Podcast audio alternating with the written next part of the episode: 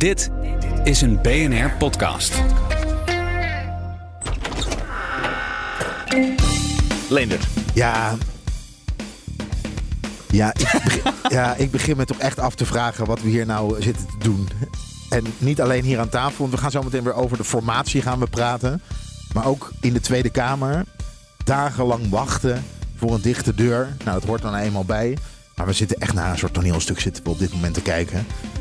Waarbij we deze groot nieuws, ze komen er niet uit op financiën. Nou, hoe lang roepen we dat al hier in de podcast? Dat dat niet gaat lukken? Ja, eh, hoe lang roepen we al in deze podcast? Wat gek dat jullie elke week voor die deur liggen. Doe dat gewoon niet. Ja.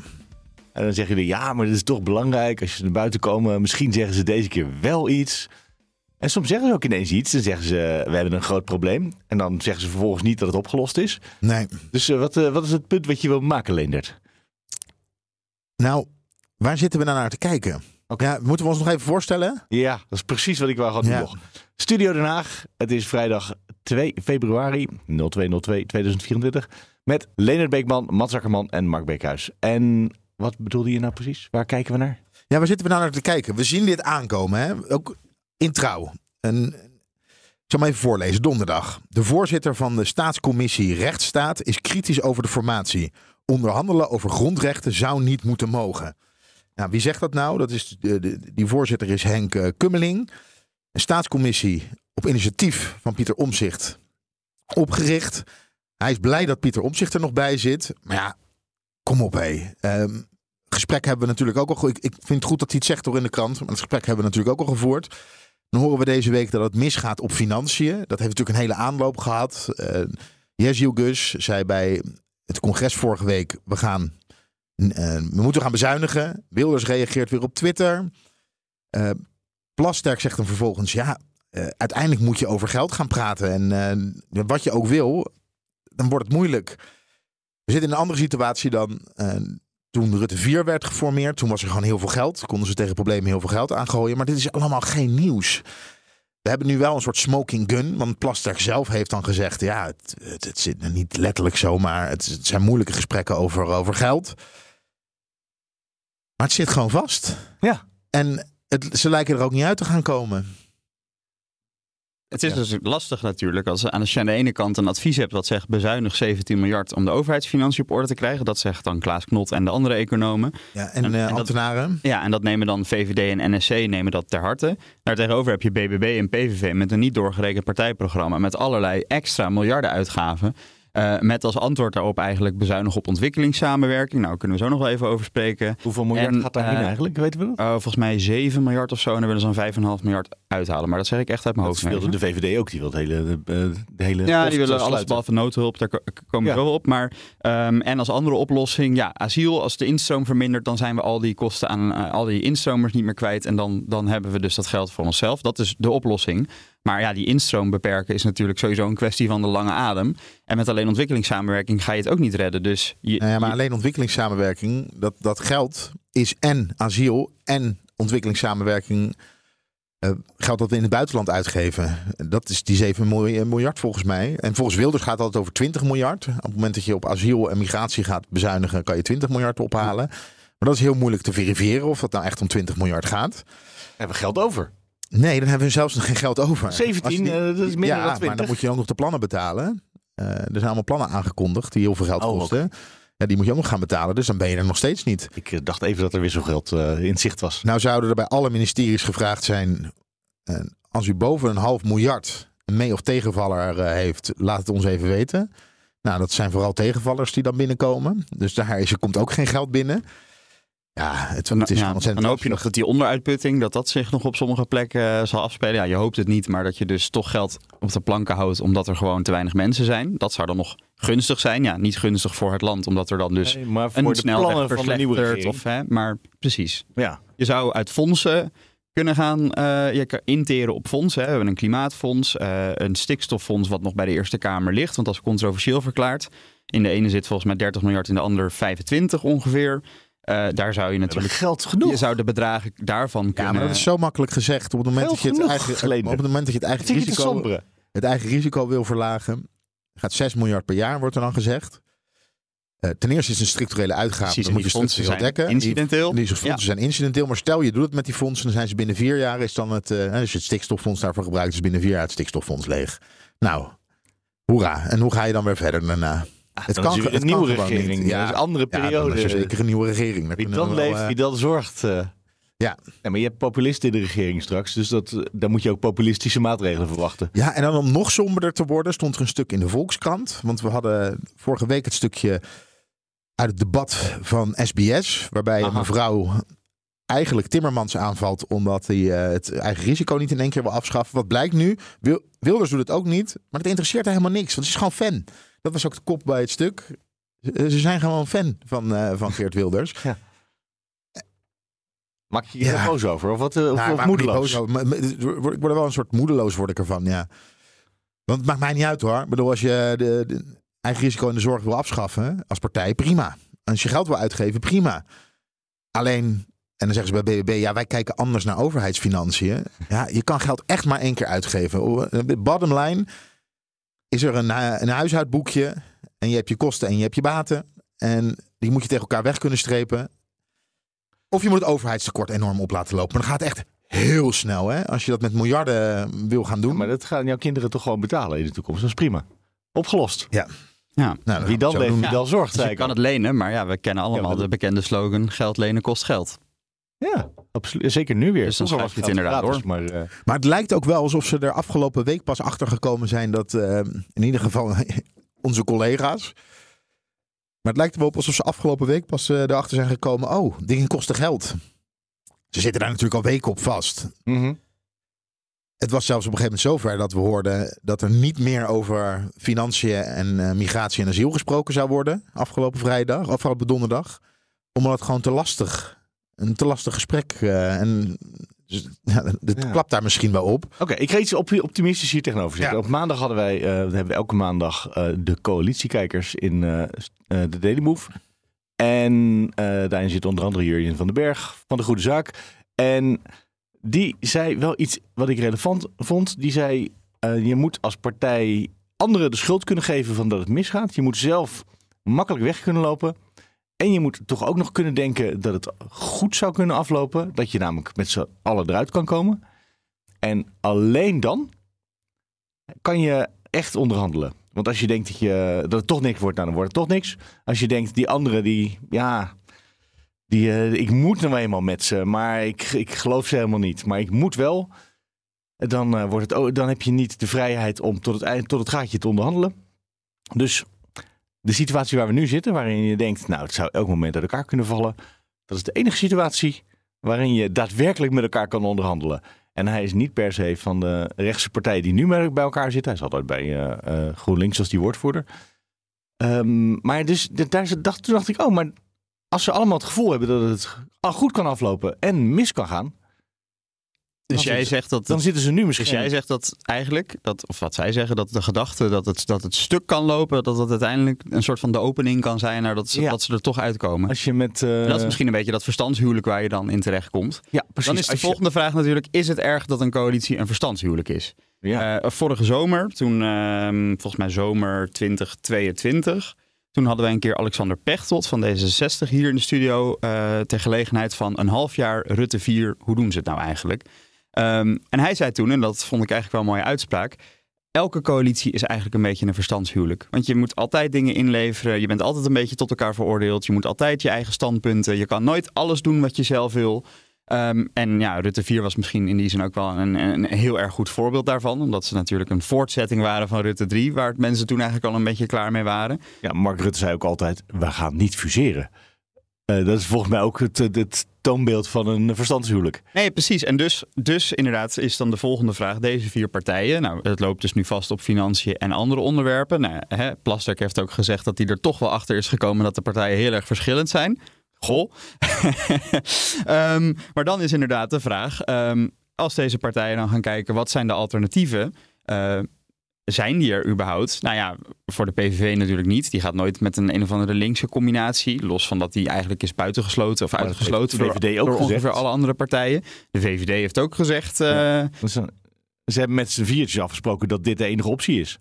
Nou ja, kijk, Nieuw Sociaal Contract heeft natuurlijk nooit samenwerking over links uitgesloten. Hè. Die heeft in de campagne altijd gezegd om in het midden te zitten, omdat hij waarschijnlijk dacht toen nog de grootste te worden en de spelverdeler te worden. Op sommige onderwerpen, zoals bestaanszekerheid, neigen wij meer naar GroenLinks Partij van de Arbeid. En op andere zijn wij veiligheid, asiel, liggen wij meer op de hand van de VVD. Dus daar bij een nieuw sociaal contract zit nog wel die opening om meer over links, om over het midden te gaan. Maar dan heb je wel echt weer de VVD nodig voor een meerderheid. En dan moet de VVD dus de keuze maken om de PVV te laten gaan ten koste van GroenLinks Partij van de Arbeid.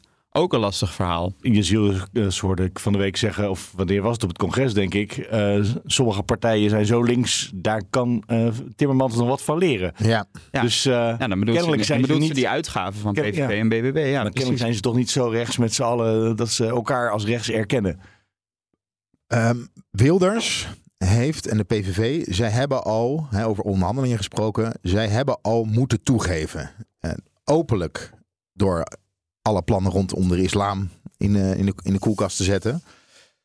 Daarbij hebben ze de, de spreidingswet moeten slikken. Daar zou dus, maar dat kreeg ik niet geverifieerd, maar Sam Hagens vertelde het bij uh, VI. Er zou een voorstel geweest zijn van VVD, PVV om de dwangelement uit de wet niet uit te gaan voeren in een volgend kabinet. Maar daar is omzicht voor gaan liggen. Dat is de essentie. Dat als laatste optie er een dwang mogelijk is. Ja. Dus dan zeg je, we gaan, we gaan een stok achter de deur gaan dan gooien we de, hele, de hele wet gooien we toch weg. Ja. Dat kan. Maar Omzicht heeft maar de, terecht gezegd, ja, kom op, we hebben, dit is aangenomen door het parlement. Mm -hmm. Door de Staten-Generaal, door de Eerste en de Tweede, en de tweede Kamer. Ja, ja. En daar, daar moet, we, we, kunnen dat niet negeren. Nou, dat past natuurlijk, uh, dat zou heel gek zijn als hij uh, daar anders over zou denken. Ehm, dus daar heeft hij al wat moeten ingeven. En wat blijft er dan nog over? Ja, het is een hele sociaal-economische programma. Dus de zorg, onder andere. Bijvoorbeeld BTW op boodschappen, dat soort plannetjes. Uh, accijns uh, niet verhogen. En hij kan niet op alles gaan toegeven. Dus nee, vandaar dat het nu bij financiën uh, ligt. Op alle andere punten, en ook bij asiel, zal het zelfs met rechtse partijen nog een lastig gesprek worden. Want BBB wil wat betreft asielmigratie, zullen ze niet willen dat in die slachthuizen en in de kassen ja. iedereen geweigerd wordt. Hè? De, dat, dat, dat kan dus niet uitleggen naar de achterban. De VVD wil juist de hoger opgeleide kennismigranten die, waar VNO-NCW en Techniek Nederland om vragen. De, expats die uh, aan onze kenniseconomie en onze innova innovatievermogen bijdragen. En die hebben veel minder met die, de, de kaswerkers en de slachthuismensen. Dus er moet een groot gebaar komen op sociaal-economisch gebied. En het gaat gewoon veel geld kosten. Dan is de vraag waar ze voor gaan kiezen. Nou, het meest logische lijkt toch wel, omdat het nu ook echt een speerpunt is geworden. En het was het over de PVV, maar de eigen risico in de zorg. Misschien tandheelkunde er nog bij. Maar ja, het geld is er niet. Makkelijk. We gaan de publieke omroep uh, opheffen. Ja. Alle musea gaan dicht. Ja, maar daarom word ik zo moedeloos. Kom op mensen. Scheelt wel qua grensoverschrijdend gedrag als je dat opheft. Hier. Ja. ik zei al, dat, dat, dat, rapport van gisteren, dat probleem gaan we makkelijk oplossen onder uh, Wilders 1. Ja. Maar ik bedoel, er zijn natuurlijk, als je, als je radicaal wil kiezen, kan het wel. Ja, als je radicaal, uh, dat kan zeker. En als je gewoon uh, de Europese begrotingsregels loslaat, dan kan het ook. Ja, uh, het duurt een aantal jaren voor je de positie van Orbán neemt. Ja, ja, het duurt een paar jaar voor je daar echt op aangesproken wordt. Dus dat wordt pas de volgende regeerperiode. Maar goed, wat Leonard zegt, hè, het is natuurlijk wel... Um, in Nederland heb je eigenlijk altijd een beetje dat de grootste partij levert op een of andere manier het meeste in. Want die moet een soort van bereidwilligheid creëren bij andere partijen om bij die partij aan tafel aan te schuiven. Nou, dat heeft de VVD ook altijd gedaan. Tot op het eind mensen aan het eind willen zeiden van wat is de VVD eigenlijk nog behalve die partij die de, die de rest aan elkaar lijmt. En uh, meekleurt met wat, uh, wat er verder aan tafel zit. Um, ja, in die situatie is de PVV natuurlijk nu. Ja, nu maar, dat is niet wel... hun karakter. Hun dat is niet hun karakter. schelden en doen. Nee, maar dat is natuurlijk niemands karakter in de oppositie is dat. Ik bedoel, toen, toen de VVD nog oppositie voerde tegen, tegen Balken en de Vier... was het natuurlijk ook wel een partij met meer kleur op de wangen. Dus dat, dat is op zich niet heel gek. Maar de vraag is inderdaad, waar zit de rek voor de PVV? Hè? Want hij kan wel iets in de ijskast zetten. Maar als op een gegeven moment het complete verkiezingsprogramma in de ijskast staat, alleen maar zodat zij aan het hoofd zitten, ja, dan is het daadwerkelijk aantrekkelijker om gewoon maar in een oppositie te gaan als grootste partij. Ja, maar er is wel essentieel verschil tussen de VVD, die niet bestaat bij de gratie van provocatie, en de PVV, die wel bestaat bij de gratie van provocatie. Ja, en dat krijgen ze nu ook terug. En, ja. Ik heb daar een fragmentje bij. Vorige week was het voor Agema. Uh, ja, elke week moeten ze nu ergens... Uh... Ja, hebben ze ergens... Het, zeg maar de, de, meest waarschijnlijke oppositiepartijen, als Wilders 1 er gaat komen, hebben hun nu hun pijlen gericht op alle verkiezingsbeloftes van de PVV. Dus we hadden afgelopen week ook een debat over uh, volkshuisvesting. Nou, PVV wil graag de huren bevriezen. Wil eigenlijk zelfs de huren verlaagd worden. Ja. Nou, daar gingen ze niet in mee. En er was een debat over armoedebeleid, dus over bestaanszekerheid. Nou, daar gebeurde het volgende. De heer Mulder geeft hier buitenlanders de schuld en komt vervolgens niet met een voorstel om iets te doen aan de schijnende armoede in Nederland. Alle partijen hier hebben concrete voorstellen gedaan. Wat gaat u precies doen? Want voor de verkiezingen was het, we moeten het morgen regelen, we moeten het nu regelen. Op het moment dat we iets kunnen doen aan, uh, aan koopkracht, uh, laat u het afweten. Voorzitter, dan kan ik niks anders doen dan de conclusie te trekken, ook op basis van, van de vragen die ik net stelde, dat het keder voor de PVV is voor de verkiezingen mensen paaien en na de verkiezingen mensen naaien. En wat is uw vraag aan de heer Mulder daarover? Of de heer Mulder het daarmee eens is. Ja, hilariteit in de, in de commissiezaal. De heer Mulder was het er niet mee eens. Hij zei, laat ons het nou gewoon regelen aan de informatietafel. Wat geen gek antwoord is. Alle andere partijen. Jawel, het is wel een gek antwoord. Ja, Als je jarenlang zegt, Precies. we gaan dit morgen regelen. Ja. Dan is, we gaan het nu even in de achterkamertjes organiseren. Is een gek antwoord. Ja, en dus ze krijgen hun eigen woorden als een boemerang krijgen ze dat terug. En andere partijen hebben daar minder last van. Mede omdat er ook wel voorstellen kwamen vanuit Nieuw Sociaal Contract, vanuit de VVD. Kleine voorstelletjes, mochten geen geld kosten. Maar toch nog gebaren van wij willen wel wat regelen voor mensen die in armoede op dit moment leven. En dat gebeurt vanuit de PVV niet. Ja, en de vraag is, gaat dit werken? Het is duidelijk een strategie voor vanuit... gaat het werken? Voor de, voor de oppositiepartijen. Hè? Mm, Gaan ze echt de PVV hiermee beschadigen? Nee, Want we niet. hadden al... Nee, we hadden uh, over het Volkskrant-stuk hadden we het al.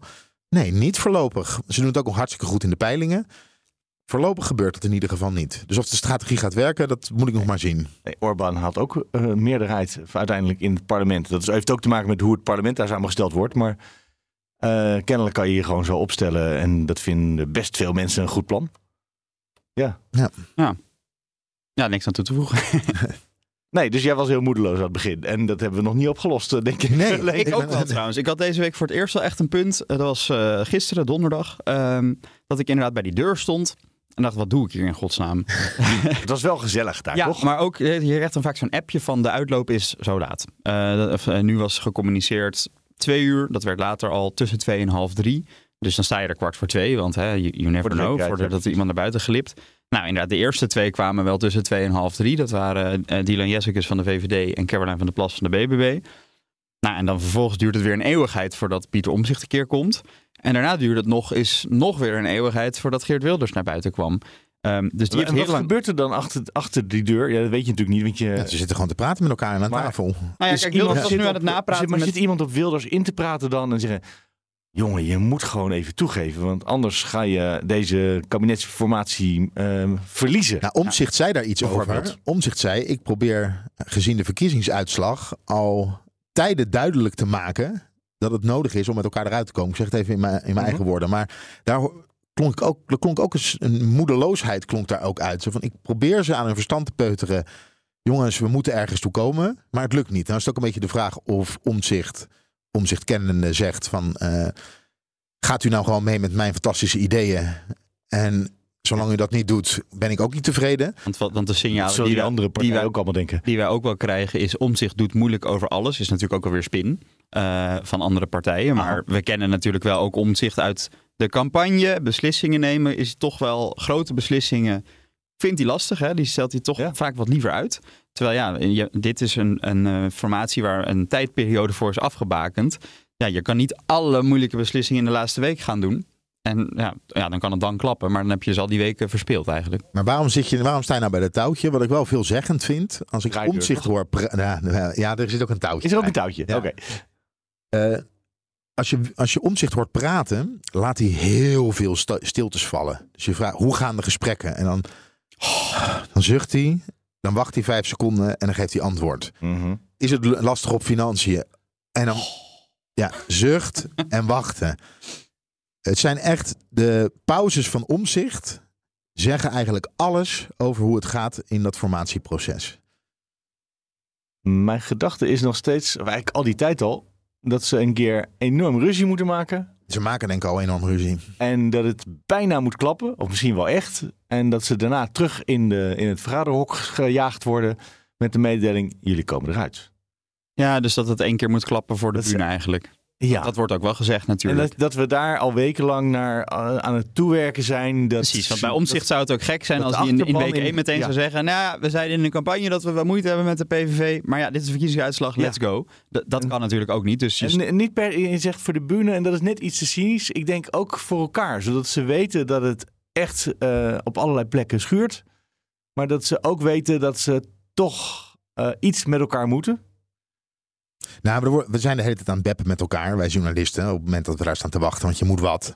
En dan hoor je allemaal theorieën voorbij komen. En een van de theorieën die ik hoorde, er moet zoveel ingeleverd worden door partijen, dat het ook gewoon strategie zou kunnen zijn, dat ze nu net doen alsof het heel moeilijk is, dat ze er echt niet uitkomen, om dan op het moment dat ze er wel uitkomen zeggen van ja, maar dit is ook echt een we hebben een compromis gesloten, maar dat is zo. U, u heeft zelf gezien. U heeft zelf gezien hoe moeizaam dat ging. Je bedoelt, Al die, je al bedoelt die het compromis, de tekst ligt er al lang. eh, alleen ze kunnen er Nou, nog niet meer naar buiten hè, maar dit is een van die, eh, van, Eén die- van de van de theorieën. Wat je nu ook niet ziet, omdat het niet aan het binnenhof gebeurt. En omdat er twee eh, onderhandelaars aan tafel zitten die zo zwaar beveiligd worden dat ze niet gewoon rustig even buiten rondje kunnen gaan lopen. Is dat we niet zien hoe de sfeer onderling is. Want bij vorige formaties hebben we allemaal van, van, die- van die bewuste loopjes rond de, Hofvijver gezien. En even lunchen met elkaar aan een bankje. Of even een, een klein praatje, restaurant. eh, ja. om te laten zien, ja, maar het gaat nog wel in, in, een goede sfeer. Maar dat, Dat zien we zeggen ze niet. nu wel, toch? Ja, ja, Joekes zegt dat vooral. Maar dit is ook wel echt, die heeft een soort pokerface, maar dan niet een soort van geen emotie pokerface, maar een lach van oor tot oor en alles is leuk en gezellig. Ja, en Zij zit natuurlijk ook in een vervelende positie. Zij heeft gezegd, we gaan gedogen, we gaan niet volwaardig in een kabinet. Eh, nou, de achterban wil volgens mij eigenlijk liever gewoon in een kabinet. Een nieuw sociaal contract ligt moeilijk. Daar ligt het af wie de achterban definieert trouwens. Want de leden niet, maar de kiezers wel. Of andersom, dat ben ik vergeten. Ja, de kiezers wel. De kiezers, ja, precies. Dus ja, zij, en ja, in de peilingen staat het er nu een, sle- een stuk slechter voor. Dus zij heeft ook, voor haar is eigenlijk de enige optie gewoon echt meedoen. Ja, heeft ze daar afgelopen week bij het congres de deur voor op een kier gezet? Nou, ze heeft niet expliciet nog een keer herhaald. Nee, dat ze ik had het alsnog- idee dat ze zei, misschien moeten we toch gewoon lid worden van een volgende regering. Nou, wat, wat er gebeurde was dat ze excuses aanbood voor de manier waarop ze had aangekondigd dat ze voor alleen wilde gedogen. Zeker, ze hadden het puur over de beeldvorming. Maar ze, en ze niet zei over de niet, inhoud. Ja, Wat- ze zei niet, maar ik sta daar nog steeds met de volle 100% achter. Nee. We gaan alleen maar gedogen. Dat werd niet gezegd. was heel opvallend. En ze wil het ook echt niet herhalen na vragen daarover. Dus ja, dat is. En, en in deze fase, iemand noemde het deze week eh, close reading, wat we aan het doen zijn. Mhm. Elke zin die net anders is dan de zinnen zoals ze de week eerder werden uitgesproken.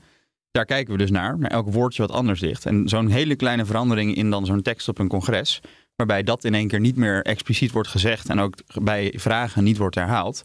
Ja, dat biedt dus wel een opening om later die beweging te maken.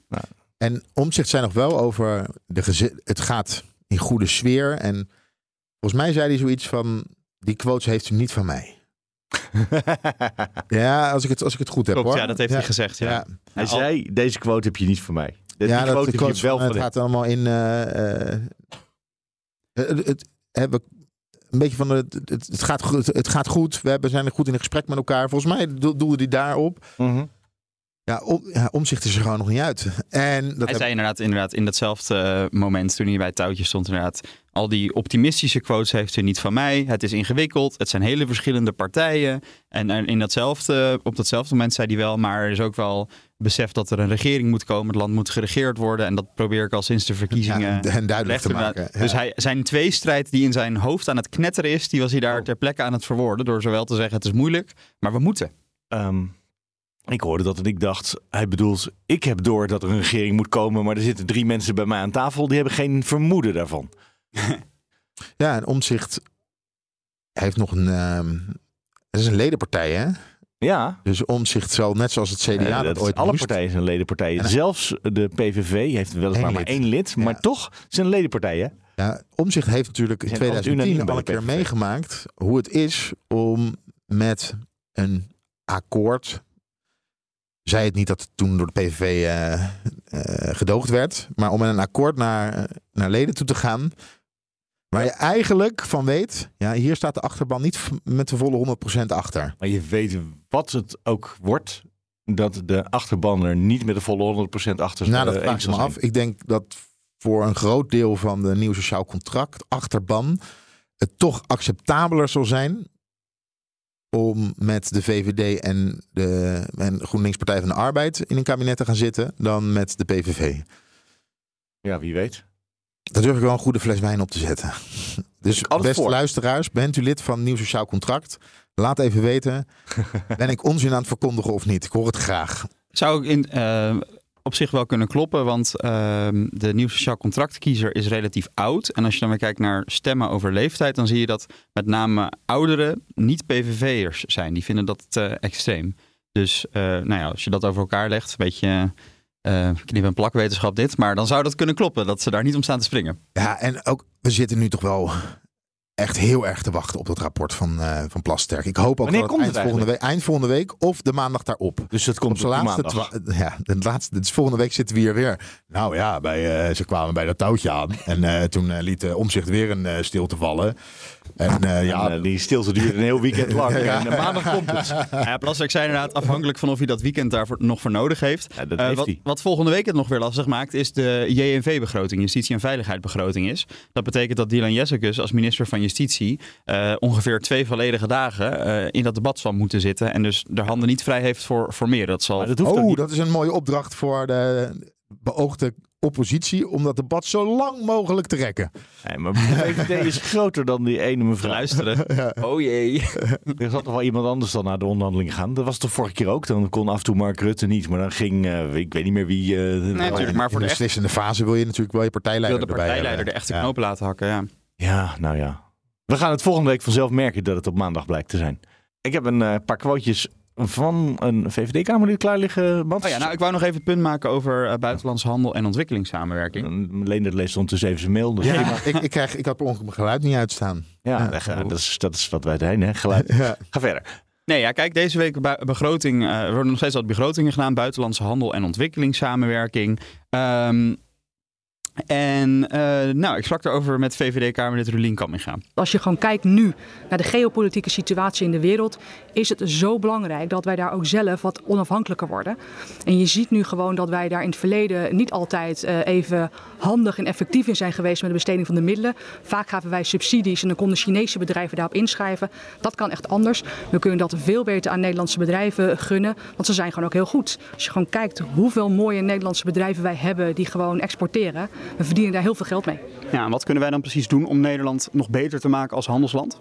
Dat zit twee kanten aan. Hè. Ik denk dat we op de exportvergunningenkant kunnen we echt wel wat flexibeler zijn. Ik denk ook heel veel belemmerende regelgeving en extra regeldruk eh, eh, wegnemen. Meer de bedrijven ondersteunen om te ondernemen in landen eh, in het buitenland. Ook landen waar misschien wat meer risico's zijn en banken wat aarzelend zijn. Daar zou je juist als overheid garant voor kunnen staan. Daar hebben ook die landen zelf iets aan. Je wil uiteindelijk graag naar partnerschappen en niet alleen maar meer naar hulp. Als we andere landen in de wereld serieus nemen, dan heb, moet je gaan samenwerken en niet meer alleen maar van gaan vertellen vanuit Nederland wat wij denken wat goed voor ze is. Nou, dit punt ging vooral over het buitenlandse handeldeel van de begroting. Dat vindt de VVD natuurlijk belangrijk. Iets waar we nog wel meer op kunnen inzetten. Dat is natuurlijk handelen. Sowieso eh, vindt uh, Roelien Kammenga het jammer, jammer dat buitenlandse handel en ontwikkelingssamenwerking... dat het een beetje een ondergeschoven eh, ja, kamercommissie is. Hè? Mhm. Toch eentje die weinig in de aandacht staat. Terwijl handel is natuurlijk echt een VVD-ding. Maar in datzelfde ding zit ontwikkelingssamenwerking. En daar wil de VVD dus op bezuinigen. Um, volgens het verkiezingsprogramma 5,5 miljard. Um, ja, en ik vroeg aan haar ook van ja, is dat nou wel verantwoord? We hebben natuurlijk gezegd dat noodhulp blijven we gewoon doen. Hè. Dat, dat zien we nu ook gewoon, wat op heel veel plekken in de wereld dat ook echt nodig is. Daar staan we ook voor. Ook voor onze internationale afdrachten. Maar als je gewoon kijkt dat we in Europa 80 miljoen miljard hebben aan ontwikkelingsgeld.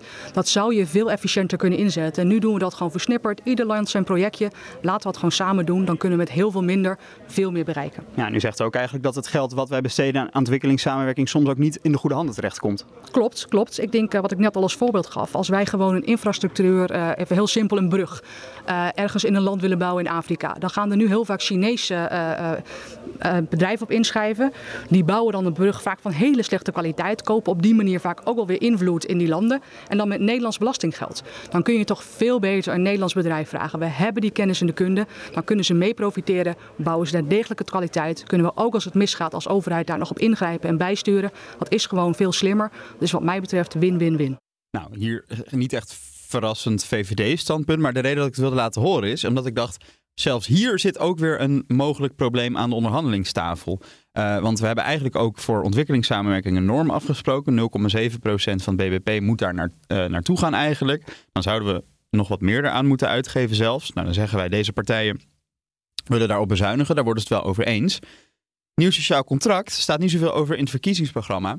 Maar we komen uh, weer terug bij die in 2012, toen Rutte 1 viel in het katshuis. Toen wilde de PVV verder bezuinigen op ontwikkelingssamenwerking. Wie ging daarvoor liggen? Het CDA. Die wilde niet tellen nu verder... niet meer mee. Nee, maar... Maar jij zegt het CDA is NSC. Het CDA is natuurlijk gewoon uh, voor een groot deel doorgestroomd en geëvolueerd naar nieuw sociaal contract. En BBB. En BBB, ja precies. Er zit, dat zit BBB heeft niet zoveel met uh, buitenlandse handel en ontwikkelingssamenwerking. Ja, maar ze hebben wel nou, twee, buitenlandse handel wel. Als er je de export twee, van uh, aan uh, onderhandelingstafel. Ja, maar Plas ik denk... en Mona Keizer. Maar dat en, is toch het en, rechtse en van Heijen drie. Ja? Hier, die, kan je nagaan. Ze zitten gewoon met het CDA te onderhandelen. Met, met, met In Pieter Omtzigt erbij. Ja. Ja. ja.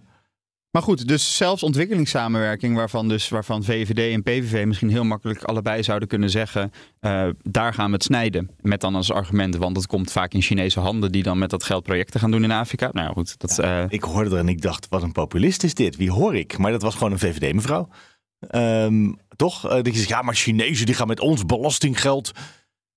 Nou ja, kijk, als, het kan natuurlijk wel waar zijn. Hè? Dat als je tegen een land, je krijgt een zak geld, uh, zodat je kan investeren in dingen. Nou, dan moet je een infrastructuurproject doen. Dan ga je vervolgens kijken wie kan dat goedkoop voor ons doen. En dat het inderdaad bij, door een Chinees bedrijf gedaan gaat worden. Ik weet niet in hoe vaak dat gebeurt, maar dat is natuurlijk wel gewoon mogelijk. Het voelde populistisch voor mij. Misschien uh, en als is je dan het zegt, correct. En als je dan zegt, en als je dan zegt, we geven diezelfde 5,5 miljard allemaal aan Nederlandse bedrijven met daarbij de afspraak, maar dan moeten jullie wel in andere landen bruggen gaan bouwen. Ik weet, niet, ik weet weer niet in hoeverre je dat kan afspreken bij bedrijven, maar dan klinkt het natuurlijk best wel weer goed. Maar goed, ik wou, ik wou vooral ja. even het punt maken, zelfs op ontwikkelingssamenwerking, waarvan we ja. misschien makkelijk denken, die, die zak geld wordt als eerste weggestreept, kan het lastig worden dus met deze vier partijen. Dus ik heb nog even een extra probleem opgeworpen hier. Geld doorgaat naar de publieke omroep tot het, aan het eind van de regeerperiode van uh, Wilders 1. Oeh, nou, dat is misschien nog wel de makkelijkste. ja. Ah, er zal toch heus wel één uh, publieke omroepzender overblijven, Nederland 1 of zo. Weet je dan, Zeker wel. Eén Nederland wordt het maar toch wel. ook met buitenlandse handel, zowel op het VVD-congres waar ik was, en dat, dat ging eigenlijk ging niet over deel. buitenlandse handel, toch? Nou, het ging natuurlijk wel over de Europese verkiezingen. Ja, en het ging dus ook over de concurrentiepositie van bedrijven in Europa, maar ook in Nederland. Ten opzichte van China en Amerika. En ik ben nog even in de Tweede Kamer ook een rondje gaan lopen. Van nou, hoe kijkt iedereen hier nou naar? En daar zijn eigenlijk van links tot rechts wel hele grote zorgen uh, om. Van hoe gaan we de concurrentiepositie nou versterken? Zowel in Nederland, maar ook binnen Europa. Want die uh, Inflation Reduction Act in Amerika. Nou, die werkt dus heel goed uh, voor de Amerikanen. Maar dat betekent ook dat de concurrentiepositie van Europa echt heel erg verslechterd is. Ja, en China, daar weten we het van. Daar moeten we een antwoord uh, op hebben. En niet afhankelijk gaan worden van China en, en, en grondstoffen van buiten Europa. Dus ook grondstoffen die bijvoorbeeld uit Afrika komen. En dat is nou een onderwerp waar je het wel op de, bij de formatie over zou moeten hebben. Maar voorlopig hebben we het nog gewoon lekker over asiel. En over heel veel geld uitgeven. Want wat het gekke ook is, weet je, over heel veel geld uitgeven. Maar op het moment dat je die, de eigen bijdrage in, in de zorg afschaft. Dat is een generieke maatregel. Waar heel veel mensen die het helemaal niet nodig hebben. van gaan profiteren. En daar hebben we het ook al met de steunpakketten van Rutte 4 over gehad. Er, is heel, er zijn miljarden terechtgekomen bij mensen die het niet nodig hadden. En Nederland heeft het niet meer. De, de, de, de, schatkist zit niet meer zo vol als dat die zat. En je zou nu toch hopen dat ze, als ze veel geld gaan uitgeven, dat het gebeurt met, door middel van maatregelen waarbij je de doelgroep daadwerkelijk uh, weet te bereiken. Dat zou je met de huren wel kunnen doen. Hè? De sociale huren. Kan je in één keer kan je de doelgroep bereiken. Dat is een vrij effectief middel om, om dat te doen. Maar op het moment dat ze komen met accijnzen of met het verlagen van de BTW op boodschappen. Of met tandheelkunde. Nou, noem ze allemaal maar op. dat gaat heel veel geld kosten. En daar gaan mensen van profiteren die het niet nodig hebben. Lekker hè? Een goede stemming ben ik vandaag. Ja, je kan toch ook gewoon. het hoeft toch allemaal niet heel erg eh, financieel, economisch efficiënt. Want dit is het efficiëntie denk nou- waar jij het over hebt. Ja, als je nou je kan ook zeggen, eh, dat is van, van een afgelopen decennium. De, we, we willen gewoon, we willen gewoon helemaal geen BTW betalen op sinaasappels. En, het gaat niet eens, eh, het gaat om alle boodschappen. Wat ja, zo lastig ik- schijnt te zijn om dat te doen. Dat kan, dat kan niet. Nee, Belastingdienst kan niks. Nee, want wat, wat doe je met... eh, ik heb laatst een paar onderbroeken bij eh, de Dirk gekocht. serieus. Ja. Want zij verkopen ook sokken en broeken en schoenen. Maar ja, dat is wel in de supermarkt bij je boodschappen. Mogen zij dan sokken gaan verkopen? Nee, zit per Nee, product. Precies, dat ja. Dus dat moet allemaal per product moet dat geregeld gaan worden. En het gaat al zo goed bij de Belastingdienst. Oké. Ik, ik denk dat we voor vandaag moeten stoppen zometeen, Mark. Anders word ik zo ongelooflijk Eh, down. Nou, dan ga ik nog Het even enige een lichtje- lichtpuntje is Ja. misschien dan toch wel dat ehm, we zijn er bijna. Eh, kijk, bij het einde van de podcast of bij de formatie? nou ja, bij het Eh, einde van deze fase van de formatie. Plasterk heeft inmiddels gezegd dat hij, volle week. dat hij het toch nog wel krap vond en dat hij eigenlijk misschien nog wel meer tijd had gewild. Nou, Maar ook dat hij niet over de deadline heen Nee, wil nee, gaan. hij hè? gaat, nee, hij gaat het niet uitstellen. Hij Dat gaat, was hier wel hij van gaat- plan, hij maar het dat, gewoon zijn, verteld, gaan we niet doen. hij gaat gewoon zich aan zijn tijdschema houden. Eh, Ik dacht ook toen hij zei eh, van eh, het wordt wel krap en ik red het niet, dat ik dacht nee! Maar het niet nog langer, Het niet is toch heel simpel. De man heeft een bepaalde tijd gekregen. En in die tijd moet hij doen wat hij kan. En op dat ogenblik moet hij terugkomen en vertellen. Daarom, en En herhaalt het ook heel vaak. gekomen. Als de vraag eh, wordt gesteld, duurt het allemaal niet heel lang? Dan is Omtzigt Ja. antwoord stevast. Dankzij mij en Volt Ja. en 21 hebben we nu in ieder geval überhaupt termijnen om ons aan te houden. Dus Ja. dan gaan we dat ook wel zeker doen. Maar als hij zegt, als hij volgende week vrijdag met een briefje komt en zegt: Hoi, we hebben het hier en daar en daarover gehad. Rechtsstaat is geregeld. We gaan één weekje praten en dan komen we eruit. Dan weten we dat we willen onderhandelen of niet. Dat is toch een goed antwoord volgende week. En dan kunnen ze daar in de Tweede Kamer op dinsdag of woensdag of donderdag, wanneer zal het worden, de week daarna erover praten. Nou, dat is in het reces. Eh, nee, want het debat zou voor het reces moeten zijn nog. Ja, maar dan kan dus niet als hij het alweer gaat... eh, Nee, maar, maar hij kan toch. Nee, maar je kan toch praten over dat eerste briefje waarin staat: we hebben één of twee weken extra nodig. Oh, dat je daar een debat over voert. Ja, daar moet dan een debat over komen. En dan zal de Kamer ja of nee moeten zeggen. We gunnen die week wel of we gunnen. En trouwens, ze zijn met z'n viertjes. Dus de Tweede Kamer gunt zichzelf in meerderheid die twee weken alsnog. Tuurlijk, dat kan. Dat Eh, kan dus, maar zijn, dit- maar- ja, En dan heb je over twee weken weer als hij zegt: Ja. ik ben er net niet helemaal uitgekomen. Ik heb een week of twee meer nodig. Dat kan, niet, dat kan rustig in de Tweede Kamer besproken worden. Maar dat hoeft dan niet aan zo'n touwtje bij de draaideur. waarachter eh, van, van gematteerd glas. waardoor je niet weet of ze erachter glimla- glimlachen of niet. Nou ja, ehm, dus ik ben ook ongeduldig. Merk je het? Ja. Ja. Hey, Nou, maar we, Mats, we, we, Mats, nog eens één dingetje over ongeduld zeggen. oké. Kijk, op het moment dat je daar... een- Ze zijn nu weken aan het praten over... eh, misschien wel hele simpele... eh, Over problemen waar hele simpele antwoorden op te geven zijn. Ja. Willen we het over... Hè, willen we gaan morrelen aan de rechtsstaat en de grondwet? Nee, dat willen we niet. Oké, prima. Zijn we het over e- zijn we het met z'n allen over eens? Dat willen we gewoon niet doen. Niet deze Hè, dat, zou, dat, zou vrij, dat zou vrij logisch zijn. Ze komen uit. Is er heel veel geld om uit te geven? Nee, dat is er niet. We hebben niet heel veel geld om uit te geven. Maar, maar daar zijn ze nog steeds over, eh, over aan het bakkeleien. Mhm. Eh, en dan kan je gaan praten binnen de kaders waar je met elkaar over uit. Hè, waar je, eh, en dan nog over asiel. Kunnen we, willen we Europa uit? Nee, we willen Europa niet uit. Oké, dan moeten we ons gewoon aan, eh, aan eh, de Europese rechten, de verdrag van de rechten van de mens gaan houden. En dan, dan, heb je een, dan heb je een begin. Dit kan allemaal heel snel. Dan heb je een begin, een startpunt waarvan, eh, waar, waar je echt de formatie mee kan gaan beginnen. Maar kennelijk willen ze dit niet. Kennelijk willen ze niet ehm, volmondig ja zeggen tegen we gaan ons aan de grondwet houden en aan de rechtsstaat. Kennelijk willen ze, zich, willen ze nog niet er zeker van zijn dat ze zich aan Europese verdragen gaan houden. Kennelijk hebben ze ook, wat betreft overheidsfinanciën, willen ze zich niet aan de begrotingsregels houden zoals we die in Nederland nou eenmaal met elkaar hebben afgesproken. Nou, daarom zitten ze vast. Ja. Ik denk ook vaak dat het heel nuttig zou zijn. Ook voor het tempo in de onderhandelingen. Als gewoon elke vrijdag in deze periode dat eh, de premier geen persconferentie geeft. Dat ik een persconferentie ga geven. Dat is ook een goed idee. Ja. Maar dat doen we in zekere zin in deze podcast. Ja. Nee, dat de informateur elke vrijdag even een update geeft aan het volk, de Tweede Kamer. En zegt, Zoals de het Duitsers dat doen. Ja, dus ik wou zeggen, dat bestaat in het buitenland ook. Ja. Nou, we hebben het deze week gehad over de rechtsstaat.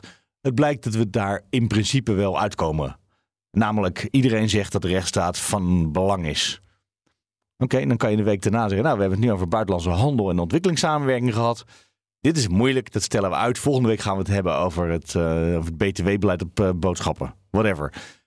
En dat hij gewoon even een, even een updateje dan hebben wij ook het gevoel dat ze serieus aan het werk zijn met serieuze formatie. Ja, maar ik heb niet, ik heb niet een update nodig van Ronald Plasserk om te weten dat ze met, met verschillende onderwerpen aan de gang zijn. We zien de secundanten binnenkomen, dus wij kunnen ook wel een beetje zien natuurlijk wat er, wat er tot aan ons wegen. Maar als, ja, als, maar zo, gauw Plasterk heeft gezegd... we zijn het eens geworden over de rechtsstaat... of we zijn het eens geworden over de BTW... dan ligt dat vast. En nu denken we, nou, ze zullen het misschien wel over uh, de ja, maar dat komt, dat komt in dat eindverslag natuurlijk. Maar daarom denk ik dat het elke week zou moeten. Want dan jaag je namelijk de partijen die aan tafel zitten een beetje op. Die moeten elke week iets bereikt hebben. Anders dan denken we van buitenaf, die plasseks zijn vandaag helemaal niks. Hey, hebben ze de afgelopen week wel gewerkt in de Kamer? Ja, maar het is natuurlijk ook wel een beetje Nederlands om het uh, pas af te kaarten als het helemaal klaar is. Want anders heb je geen wisselgeld meer. Als je op een gegeven moment aan mijn ander onderwerp komt en je zegt, oh, we moeten hier wel heel veel inleveren, dan wil je misschien toch weer terugkomen op een eerder onderwerp. En dat maakt onderhandelingen oneindig lang. Uh, ik wil al twee keer naar een fantastisch geweldig uh, debat gaan waar jij me op wees, Mats, over wolven. Ja, nou, ik, was. Uh, een beetje zat. ja. Nou, dit was echt even leuk. Ik was de, het landbouwdebat aan het volgen, ook een begroting. Ja, een begroting het helemaal niet landbouw. Over landbouw ja, het ging vooral over 3 miljard die nodig is om de stikstofproblemen alvast aan te pakken. Want, zoals ik net al zei, het stikstoffonds van 24 miljard, dat is controversieel verklaard in de Eerste Kamer. Dus dat is er voorlopig niet. Maar het is wel zo dat er hebben zich boeren gemeld om vrijwillig te worden uitgekocht. En er hebben provincies plannen gemaakt waar de landelijke regering om had gevraagd. Kom zelf nog eens met plannen om de stikstofuitstoot te verminderen. Die plannen van de provincies, daar is 1,3 miljard voor nodig. Uh, en voor de, uh, de uitkoop 1,5 miljard. Dus je hebt bijna 3 miljard heb je wel al nodig, maar dat fonds is er nog niet dat geld, dat komt er. Nou, dat, is, uh, dat was ongeveer het belangrijkste wat er uh, ja, in dat het was inhoudelijk belangrijk. Maar dat was niet het leuke aan het debat. Het leuke nee, was, het leuke dat, ineens... was dat, eerst de PVV had twee afgevaardigden. Bij de begrotingsdebatten komen ze soms met meerdere. Eerst was het nieuwe Kamerlid Jeannette Nijhoff-Leeuw. Nou, die kwam eigenlijk met het klassieke punt stikstof niet te groot maken en uh, boeren, onze boeren. Wat je verwacht van de PVV. Precies. En toen kwam Dion Graus, portefeuille natuur, dierenwelzijn. volgens mij alleen dierenwelzijn. En daar kwam een soort van pleidooi, een soort van hartverwarmend uh, pleidooi voor uh, ja, de wolf. En dat we die niet zomaar moesten gaan uh, neerschieten. Het begon ook heel mooi. Het was namelijk, Graus had zijn verhaal gehouden. Die was klaar. En toen kwam vlag van SGP. ik dacht dat ik meneer Graus nog even moest helpen, want ik denk dat zijn tijd op was en dat hij het nog even over de wolf wilde hebben. Ik had ook de indruk dat zijn spreektijd eigenlijk te kort was. En dat hij nog iets had willen zeggen over de talloze, weerloze schapen die de afgelopen tijd zijn doodgebeten door wolven. En ik denk dat hij nog had willen zeggen dat het tijd wordt dat we dat gaan aanpakken. Dat we die probleemwolven ook gaan beheren. Dat we daar eh, tot afschot overgaan. Heer Gaus. Eh, er lijden heel veel mensen aan het roodkapjesyndroom. En dat komt als kind ook. Er wordt roodkapje voorgelezen. De grote boze wolf. Een heel akelig wezentje was dat. Maar ik zeg u dat doordat eeuwenlang de vos is bejaagd, dat ga ik u niet zeggen. Daar heb ik ook zelf ook onderzoek naar gedaan. Daarom zitten we nu met heel veel overlast, bijvoorbeeld ook in bepaalde gebieden van ganzen. Want eerst hebben ze massaal de vos hebben ze allemaal hebben ze zitten afschieten. En nu gaan ze zeggen, ja, maar nu zijn er de ganzen, dan moeten we daar. Zo overal waar de mensen ingrijpen, het zijn communicerende vaten. Je gaat dat allemaal afschieten, dan gaat dat weer. Ik wilde de wolf juist als predator inzetten tegen overlast. Ik heb zelfs gevraagd, we moeten van die grote roofvogels overal gaan loslaten hier. Dus dat is ook veel natuurlijker. Maar er zijn miljoenen mensen die eten schapen. Miljoenen. En als een wolf eh, een keer een schaap pakt, wat ook nog vergoed wordt, want die boeren worden gecompenseerd, en dan is opeens, mag dat niet. Ze waren dat tegen, waarom, waarom mag een wolf geen schaap eten? Mogen mensen dat alleen maar? Nou, en het was vooral, wat er leuk aan was, uh, was dat het gewoon heel erg lang duurde. Dus het was echt ja, een soort van, dan heb je een debat over de landbouwbegroting, uh, miljarden. En dan wordt er een kwartier lang alleen maar over die paar wolven die we in Nederland gehad hebben. De voorzitter. Maar nog, noem nou de incidenten op, jongens. Met alle respect, ik heb ze allemaal. Het is, er wordt paniekvoetbal gepleegd. En altijd wordt er een dier, dat is de vos eeuwenlang geweest. Altijd wordt er een dier eruit gepakt en dat is de kop van Jut. De mens doodt miljoenen dieren, daar hoor ik nooit iemand over, nooit. En nu pakt de wolf een paar schapen, waar de boeren ook nog voor betaald krijgen, en wordt het En ik kom ook voor die schapen op. Ik kom ook voor schapen op, echt waar, 100%. Maar nogmaals, het spelen voor God, hè, ik vind dit namelijk, ik vind dat echt een, een heel groot probleem. Het, het tast namelijk mijn, de ethiek en mijn geloof aan. En ik vind niet dat wij voor God, wij hebben het recht niet om dieren of het moet om medische gronden zijn ten een dierenarts op zes. Wij hebben het recht niet om, om zomaar dieren te gaan afschieten. Helder. Het waren gezellige uh, interruptiedebatjes waren het tussen Graus en uh, Van der Plas. Als dat aan de onderhandelingstafel op dezelfde manier gaat, dan weten we zeker dat ze er niet uit gaan komen. En het zou toch wel hilarisch zijn als ze er niet uitkomen op, op de wolf. het zou zomaar kunnen. De wolf is echt iets wat de mensheid verdeelt hoor. En Kerla van der Plas die ging met haar conclusie natuurlijk helemaal over de top aan het eind. Ja, dank u wel. Nou, met die laatste woorden uh, begrijp ik dan van de heer uh, uh, Graus dat hij gewoon af wil van de hele veehouderij in Nederland. Want wij hebben het recht niet om dieren te slachten. Um, dus waarvan akte. De hele veeteelt moet ja, stoppen. Ja, dat was de conclusie, ja. Ja. En dat is natuurlijk voor een vegetariër als uh, Graus uh, makkelijk te zeggen. En voor uh, de boer-burgerbeweging een onbegrijpelijke gedachte. Ja. Ja, die, ja. die burger staat ook voor dat vlees natuurlijk. Sorry, die was heel flauw. Zullen we stoppen? De boer-hamburgerbeweging. Ik ben ervoor. Leonard snapt hem niet eens. Nee, ik, ik, zit, ben, al, ik ben al uitgezoond. Ja, Dan gaan we straks even een burger eten. Jij bent ook een vegetariër? Nee. Jij was een vegetariër. Ooit. Dan gaan we straks een burger eten. Um, dankjewel Leendert. Dankjewel Mats. Tot volgende week. Dit was Studio de Dag. Voor vandaag vrijdag de tweede van de tweede. Punt.